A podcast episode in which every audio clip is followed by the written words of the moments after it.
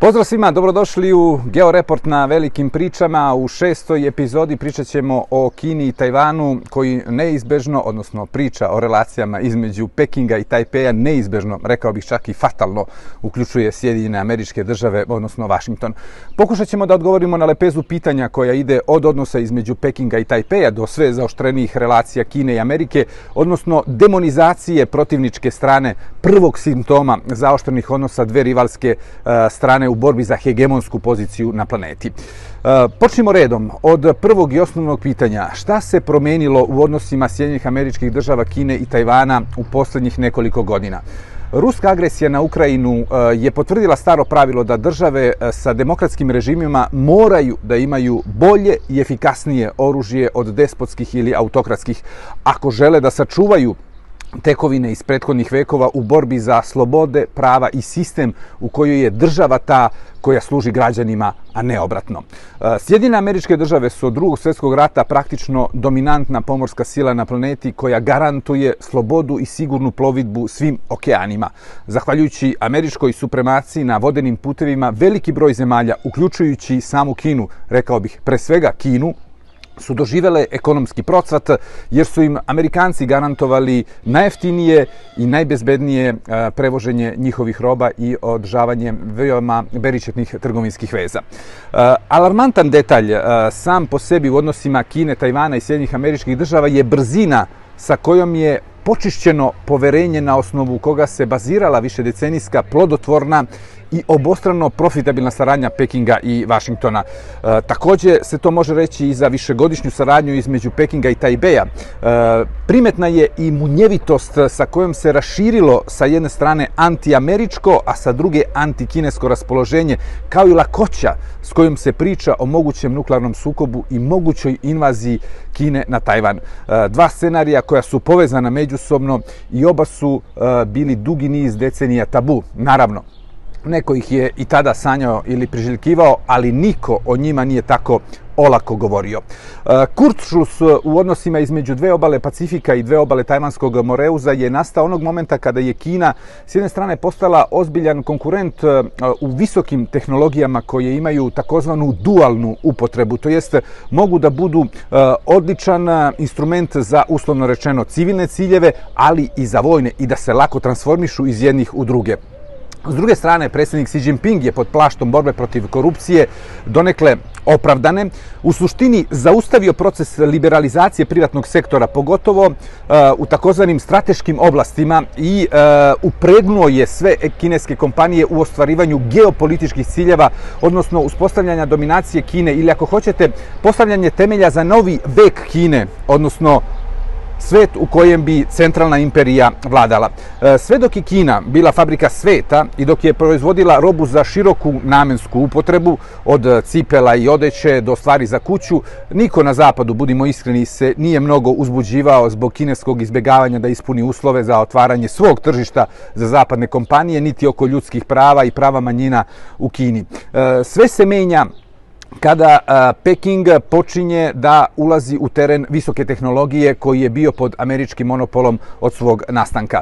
Onog momenta kada je Peking ovladao tehnologijama za takozvani dual use, odnosno onim tehnologijama koje mogu lako da promene svoju namenu, postoje opasnost broj jedan za Ameriku i zapadni svet. Drugim rečima, dok su Amerikanci i Evropljani prodavali Kinezima uh, mobilne telefone, kompjutere, precizne mašine i druge visoko tehnološke proizvode, proizvode, a kinezi njima samo robu široke potrošnje od konfekcije do kućnih potrebština, sve je bilo u redu i niko se nije mnogo uzbuđivao.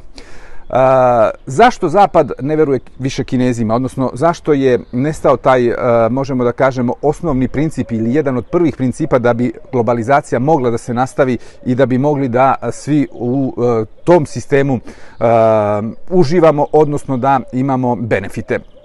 E, nije kineski režim bio mnogo manje rigidan pre dolaska na vlast e, Xi Jinpinga. E, I to treba također priznati. Problem je nastao kada je Kina sa tehnološke strane dakle, uznapredovala, a na političkom planu se vratila na Maove dogme, odnosno na dogme Mao Tse-tunga počev od ekonomije. Najveće kineske kompanije su postale neka vrsta lunga manus, duge ruke, jeli, kineskog političkog uh, establishmenta, odnosno njihova instrument za ostvarivanje geopolitičkih ciljeva i osnovnog cilja da zagospodare svetom. Slikovito rečeno, ako bi uzeli futbal kao metaforu, Kinezi igraju uvek sa duplo većim brojem igrača od zapadnih partnera jer imaju celi državni aparat iza sebe i ciljevi koje oni e, pokušavaju da dostignu nisu ekonomski, nisu kapitalistički. E, drugim rečima, Oni žele da ostvare samo geopolitičke i etatističke ciljeve, odnosno državne ciljeve. Nije dakle bitno da li će imati e, gubitke, da li će ostvariti, e, neće ostvariti profite, da li će otpustiti radnike, kako će se uopšte kretati njihova ekonomija, nije bitno sve do onog momenta dok ona e, zadovoljava i ispunjava ciljeve koji su postavljeni od strane državnog vrha u dakle ostvarivanju tog ključnog plana i ključnog cilja, a to je da Kina postane hegemon sveta. E, Kina može i dalje e, da širi priču kao što to i radi, kako nije pošla u rikvers kada su u pitanju prava i slobode. E, nikoga novog neće uveriti u to, ali izgubit će i ono malo kredibiliteta što je imala u zapadnom svetu. U modernom svetu koji je postao uh, povezan e, i povezanije nego što je ikada bio zahvaljujući novim tehnologijama, jedna od najvažnijih stvari je kredibilnost. Isticanje poverenja kod drugih, bilo da su partneri, saveznici, e, klijenti ili čak neprijatelji, je veoma važno. E, Kina je sve manje kredibilna, a još manje uliva poverenja, čak i kod onih koji bi po prirodi stvari trebalo da joj veruju. E, Jedno je poveriti, možemo da kažemo, trećima zemljama ili trećim licima ili trećim kompanijama proizvodnju opreme, šta ja znam, za teretane ili, ili za automobile ili za za proizvodnju e, konfekcije, a sasvim drugo je dati u ruke autoritarnim, totalitarnim režimima mogućnost da raspolažu sa senzibilnim podacima i tehnologijama koje mogu da im omoguće superiornu poziciju u odnosu na druge države. Paradoksalno, po medijima se e, često provlače paralele sa drugim svjetskim ratom. Traže se novi e, nacisti, fašisti ili, ili japanski e, diktatorski režim pre drugog svjetskog rata, a sve više u stvari mnogo liči na 1914. godinu. Svet je od pada Berlinskog zida sa izuzetkom pojedinih regiona, poput našeg, odnosno bivše Jugoslavije, prolazio kroz svoju novu belepok, a na horizontu su se pojavile neke nove sile koje bi da uspostave novu hijerarhiju u podeli sveta i da zavladaju morima i okeanima. Dakle, nije ovdje reč o Nemačkoj trećeg rajha Adolfa Hitlera, već o Nemačkoj drugog rajha i kajzera Wilhelma, na koju danas podsjeća Kina Xi Jinpinga.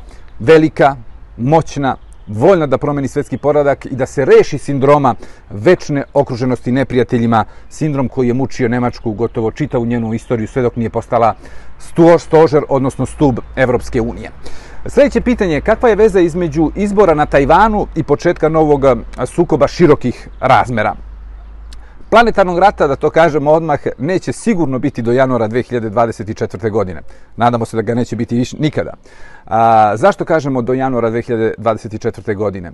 A, zato što su tada izbori za predsjednika Tajvana i oni su zakazani dakle, za početak sljedeće godine i u dobroj meri rezultat tih izbora će trasirati put ka daljem zaoštravanju odnosa između Pekinga i Tajpeja i posljedično između Kine i Sjednjih američkih država.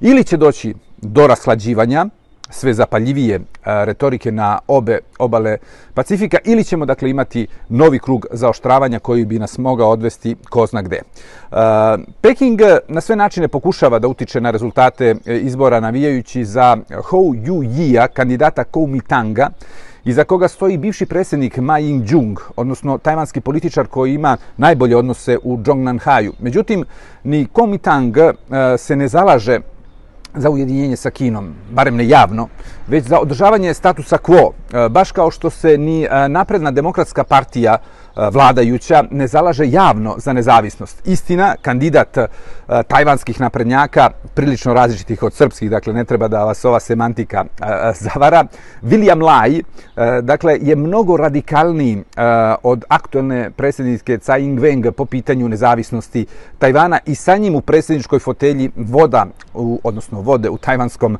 Moreuzu će početi da budu poprilično vrele. U igri je e, i treći kandidat. E, reč je o Terry Gu, to je neka vrsta tajvanskog e, Silvija Berlusconija. On je uveren da je pravi čovek e, da pomiri Washington i Peking u korist i na dobrobit Tajvana. E, jedno je sigurno, kogod da pobedi e, na izborima za predsjednika u Tajvanu, Tajpej neće proglasiti nezavisnost, a ne može se sa istom sigurnošću tvrditi da, će, da Kina neće napasti Formozu. Drugim rečima, varnica novog planetarnog e, sukoba može da dođe samo iz Pekinga, ne iz Tajpeja, ne iz Vašingtona. Sad dolazimo do značaja Tajvana. E, Sjedinje američke države su priznale Republiku Kinu 1. januara 1979. godine, ali su istovremeno sa takozvanim Taiwan Relations Act potvrdili da je Taipei e, autonomno kontroliše bivšu Formozu, dakle čitavo ostrovo. E, ta ambivalentna politika Vašingtona je ostala na snazi sve do danas. Predsjednik Joe Biden nije nikada uzeo ozbiljno u razmatranje mogućnost da Sjedinje američke države uđu direktno u rat sa Rusijom zbog Ukrajine. Dok je za Tajvan bio eksplicitan, Amerika će braniti Tajvan ako ga Kina napadne. E, pre 50 godina i Kina i Tajvan e, su e, na vlasti imali diktatore, velike suparnike. Na jednoj strani Mao Tse-tung, na drugoj strani Chiang Kai-shek. Obojica sa idejom da ujedine zemlju i da su oni pravi kinezi, a drugi lažlji i zavedeni. Reformski proces na kontinentu sa potpisom Deng Xiaopinga posle smrti Mao Tse-tunga je počeo istovremeno sa demokratizacijom Tajvana. Danas Kina ima drugu ekonomiju na planeti, najjača je totalitarna država modernog doba sa bruto društvenim proizvodom po glavi stanovnika oko 12.500 dolara, a Tajvan na drugoj strani je postao primjer demokratske i pravne države u planetarnim razmerama. Toliko da se danas nalazi među deset najfunkcionalnijih demokratija na zemaljskoj kugli, a bruto društveni proizvod je pet puta veći od kineskog, preko 65.000 dolara. Ako bi Kina zauzela Tajvan, to bi bio početak kraja američke dominacije nad eh, morima i okeanima i dolazak eh, turobnih vremena za čitavo čovečanstvo, jer više ni jedna slobodna i demokratska zemlja ne bi bila sigurna uh, i to znaju u Pekingu. Ali u Vašingtonu i pogotovo u Evropi ima naivnih, kratkovidih, a možda čak i korumpiranih koji veruju da ih se Tajvan ne tiče. E, tačno je da je samo 13 e, zemalja e, još uvek u regularnim diplomatskim odnosima sa Tajvanom, odnosno da priznaje Tajvan kao nezavisnu državu. Ali sve najvažnije države sveta, od Sjedinjenih američkih država, Velike Britanije, pa do Rusije čak, plus Evropska unija, imaju regulisane odnose, uključujući i trgovinske sa Tajpejom. E, Tajvan je jedan od, e, možemo da kažemo, slikovito pupaka sveta, ne samo zbog svog geostrateškog značaja, zovu ga jeli, prirodni nosač aviona za Sjedine američke države, na zapadnom Pacifiku, e, već zbog toga što je Tajvan veoma važan u ekonomskom produktivnom lancu, budući da je prvi proizvođač poluprovodnika i mikročipova, bez kojih je nemoguće zamisliti funkcionisanje modernog sveta. Dakle, sa Tajvanom se ne moraju imati nužno diplomatski odnosi, ali se ne može ignorisati ili se praviti da ne postoji. Jer Tajvan i njegov značaj kad su u pitanju poluprovodnici i mikročipovi je upravo onaj koji su imali uh, u arapskom svetu, odnosno uh, Persijski zaliv tokom 70-ih godina za svetsku i globalnu ekonomiju. Da li se Tajvan sprema za rat, je naše sljedeće pitanje. Uh, odgovor je da uključujući i gerilski vid otpora u slučaju da kinezima pođe za rukom da se iskrcaju na Formozu. E, već nekoliko godina, pogotovo od gušenja autonomije Hong Konga i represije kineskog režima u nekadašnjoj Mirišljavoj Luci, e, sva istraživanja javnog mnjenja pokazuju da između e, 85 i 90% Tajvanaca ne želi ni da čuje da bude pod upravom Pekinga. E, podsjetimo, e, ne bi se radilo o povratku Tajpeja pod suverenitet e, Kine, jer Narodna republika nije nikada upravljala Tajvanom od njenog nastanka 1949. godine. Voleti nešto znači biti spreman da ga braniš po svaku cenu. Ta krilatica je postala slogan tajvanskih e, patriota koji pod e, utiskom hrabrog odgovora Ukrajinaca na rusku agresiju sa još većim moralom se spremaju za eventualnu imperi, e, invaziju centralne imperije. Na ostrovu je sve manje, inače, razumevanja za meke stavove samih Tajvanaca prema komunističkom režimu u Pekingu i manjini koja sebe i dalje smatra kinezima i koja bi želela da bude pod žezlom Zhong Nanhaja e, i njima se, možemo da kažemo, i na jedan nedemokratski način savjetuje da uzmu prvi avion i ocele se na kontinentalni deo Kine ako im se baš toliko sviđa da žive pod upravom Pekinga. E, faktor iznenađenja je jedan od ključnih u svakom vojnom sukobu. E, Kina na taj faktor ne može više da računa jer e, delom zato što se na ostrovu već godinama spremaju da odgovore na agresiju e, na sve moguće načine, a delom jer nije moguće da pripreme e, za napad na Formozu promaknu drugim obaveštajnim službama, tim pre što bi te pripreme morale da traju mesecima, možda čak i godinama. E, Tajvan ima oko 24 miliona stanovnika i stajaću vojsku od 240.000 profesionalnih vojnika i volontera, dok je već nekoliko stotina hiljada obučeno ili se obučava za rat ili gerilski otpor kinezima u slučaju da im pođe za rukom da se iskrcaju na ostrovo. Planinski venci na Formozi prelaze 3000 metara i sa nekoliko hiljada dolina su kao stvoreni za partizansku borbu protiv okupatora. Privatni investitori pod nadzorom Ministarstva odbrane, ima ih nekoliko, finansiraju već nekoliko godina kampove za gerilsku obuku građana Tajvana s ciljem da ih osposobe za eventualni gerilski rat i planira se da bi oni mogli da formiraju negde oko 3 miliona gerilaca koji bi bili spremni da zagorčaju život kinezima u slučaju da zavladaju Formozom. Tajpej je već povećao izdvajanja za vojsku na 2,4% bruto društvenog proizvoda, dakle više od onoga što je, na primjer, cilj u NATO državama, to je 2%. A to kada prevedemo na e, suve e, brojke, gledajući koliki je, e, koliki je bruto društveni proizvod Tajvana, dolazimo do cifre od 20 milijardi dolara godišnje, dakle, za naoružanje Tajvana. E, Među vremenu je doneti zakon po kojem služenje vojnog roka postaje obavezno i od sljedeće godine će trajati 12 meseci, što će povećati broj vojnika pod oružjem bez rezervista, dakle, bez volontera i bez rezervista na oko pola miliona u svakom momentu. Također, Tajvan ima i e, naučne i tehnološke kapacitete da proizvode i nuklearni arsenal. Za sada, niko zvanično ne zagovara opciju da Tajvan kao sredstvo za odvraćane od imperialističkih eh, poteza Pekinga konstruiše nuklearne bombe i svoje nuklearno naoružanje. U dobroj meri, jer bi takav potez izazvao i negativne reakcije Sjedinjenih američkih država i Tajvan mora da bude veoma oprezan i da osluškuje dobro šta misli i kako misli Washington. U svakom slučaju, eh, na Tajvanu eh, je omiljena uh, Sun Tzu mudrolija uh, na temu uh, umeća ratovanja. Ne uzdaj se u oklevanje tvog neprijatelja da te napadne, nego u svoju spremnost da ga dočekaš. Sljedeće pitanje, e, da li su Tajvanci naučili lekciju iz e, Hong Konga? E, kineska propaganda je decenijama sve do Xi Jinpingovog zaokreta, ako možemo da kažemo, u levo, ka još rigidnijoj i perfektno, možemo da kažemo, piramidalnoj strukturi diktature, pokušavala da proda Tajvancima priču o jednoj zemlji i dva sistema koja je bila primjenjena na Hong Kong. Koliko se radilo o zamci, a ne o iskrenoj želji da se prihvati da postoje delovi Kine koji nisu uh, za jednoumlje i rigidnu policijsko-komunističku državu, vidjelo se upravo na primjeru Hong Konga.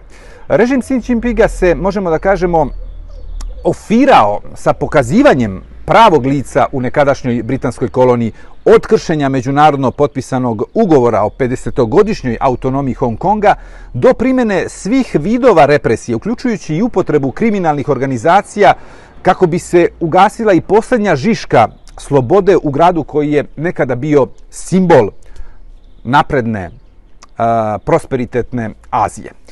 Mafijaške organizacije su u Hong Kongu imale presunu ulogu u zašašivanju građana kroz ubistva, silovanja, prebijanja, pretnje, otmice koje su trajale sve dok i posljednji vapaj za poštovanjem autonomije Hong Konga nije utihnuo.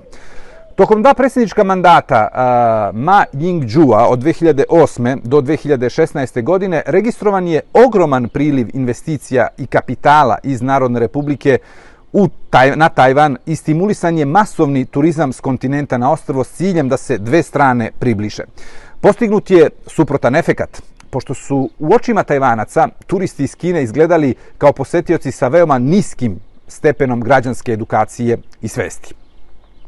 Otvaranje prema Kini e, je koštalo poraza i gubitka, možemo da kažemo, vlasti Komitanga na izborima 2016. godine.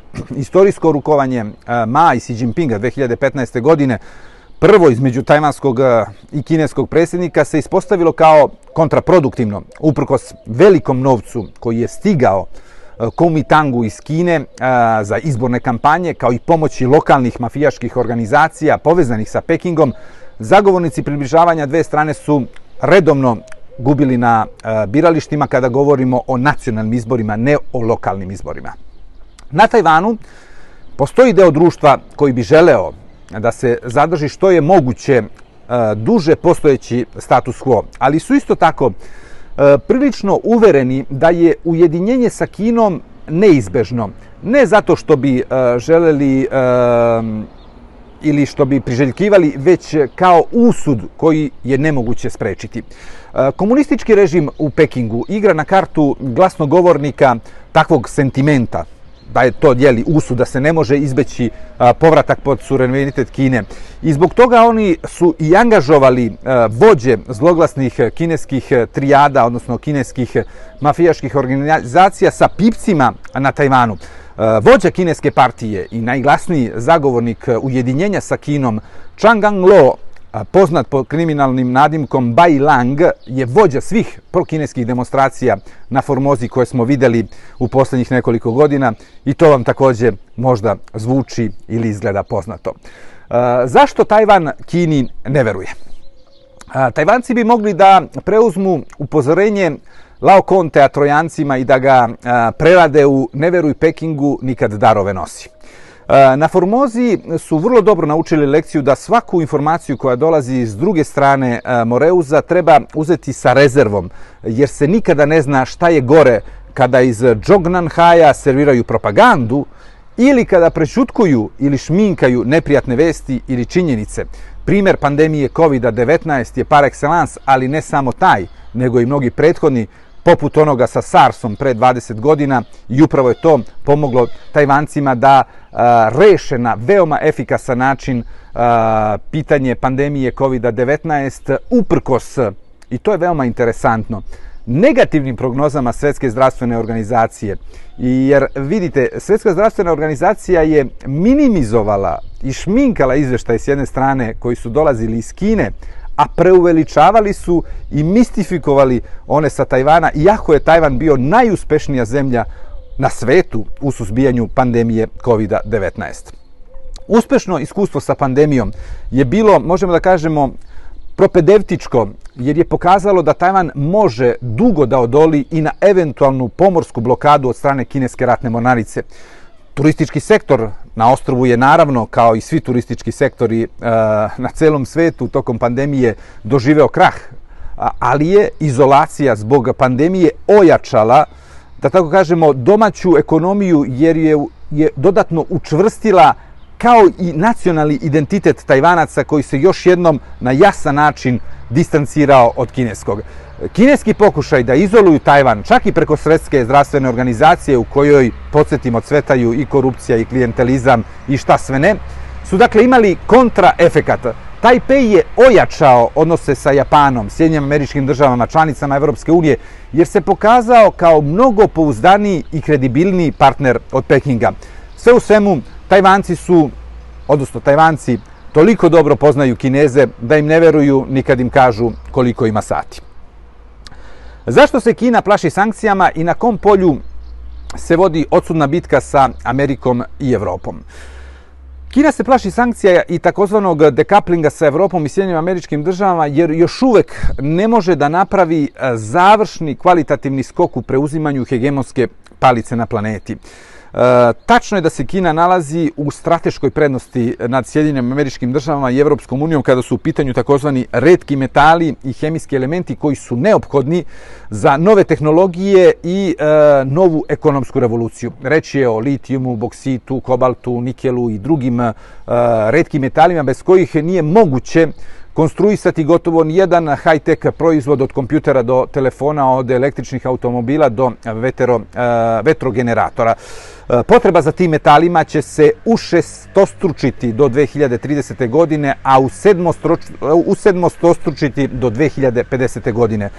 Centralna imperija u komunističkom ruhu, osim što posjeduje velike količine redkih metala na svojoj teritoriji, dakle u samoj Kini, u posljednjih decenija je kao, možemo da kažemo, ptica, grabljivica, koristeći sve državne resurse, od obaveštajnih službi do korumpiranja vlastodržaca u Africi i Aziji, stavila pod kontrolu dobar deo najvećih rudnika i nalazišta redkih metala i minerala.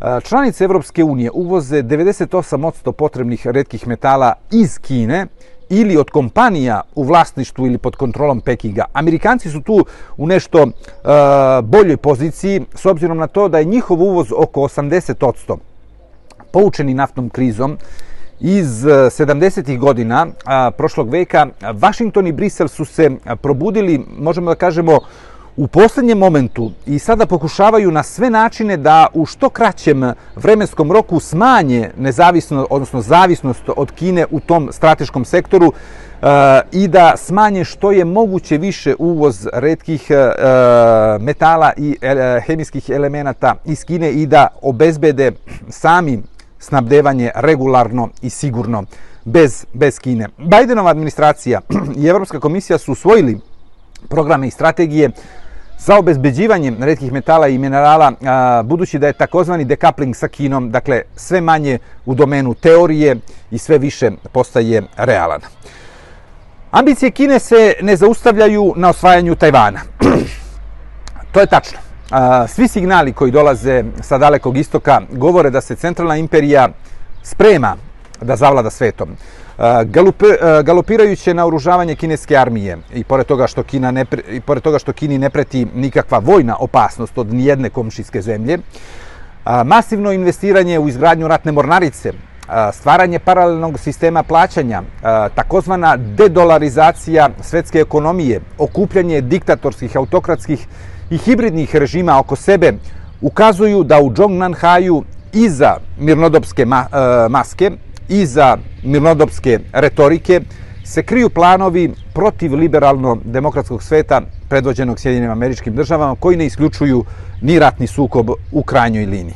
Naravno, i Xi Jinping je veliki poštovalac Sun Tsua, ne samo naši prijatelji Tajvanci i naravno ključnog dela Sun Tsua umeće ratovanja, ali i društvene igre Wei Qi, uh, jer on preferira, što je i logično, da potčini neprijatelja bez oružane borbe, odnosno da ga primora na predaju bez opaljenog metka. U Zhongnanhaju su svesni da imaju vrlo limitirano iskustvo u vođenju ratova, pogotovo modernim sredstvima, za razliku od glavnog takmaca Sjednih američkih država koja praktično je u stalnom, permanentnom ratu na nekim meridijanima već eh, više od 100 godina.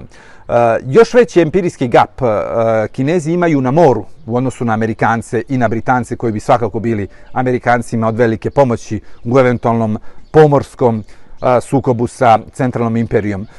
Znate, nije dovoljno imati najviše brodova, nosača aviona, najbrojniju ratnu mornaricu da bi se osigrala supremacija nad okeanima.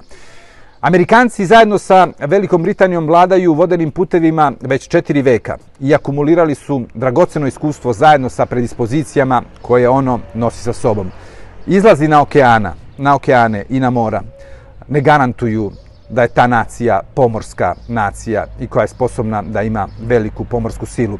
Rusija je jedan od primjera i kako se završio i plan Petra Velikog da formira, odnosno da od Rusije stvori veliku pomorsku naciju je najbolji primjer da će Kina imati velike probleme sa tim, jer praktično od kada su u srednjem veku e, odustali od mora i od istraživanja, Kinezi su prestali da budu morska nacija, to je bilo pre 500 godina. Šta sprečava Kinu da zavlada svetom? E, modernim svetom vladaju, i tu se vraćamo malo i na prethodno pitanje, zemlje koje drže pod kontrolom plovne putove morske i okeanske. Ali i vazdušne, naravno, u posljednje vreme sa razvojom tehnologije. Velika Britanija je imala ekonomiju koja je bila pet puta manja od kineske caravine polovinom 19. veka. Ali je dominirala morima i okeanima i imala je najmodernije naoružanje u tom vremenu, što je omogućilo da dobije oba opijumska rata protiv kineskog carstva dinastije Qing i da nanese ono što kinezi zovu velikim poniženjem. Dakle, kondicio sine qua non za režim Xi Jinpinga je da uspostavi kinesku talasokratiju, ako želi da vlada svetom. Prvi korak ka ispunjavanju tog cilja je osvajanje Tajvana. Bez kontrole nad Formozom, Kina može da postane, odnosno ne može da postane pomorska sila i da preuzme mesto od Sjedinjenih američkih država kao kontrolora morskih i okeanskih trgovinskih maršruta. Cena frontalnog napada sa iskrcavanjem i eventualnim gerilskim ratom je noćna mora za Kinu. Zato se u Pekingu, što je pokazala i posljednja vojna vežba oko Tajvana, radi na takozvanoj strategiji anakonde, odnosno izolacije i e, dugog i postepenog davljenja Tajpeja, sve dok ne pristane na uslove novog svetskog hegemona, odnosno Kine.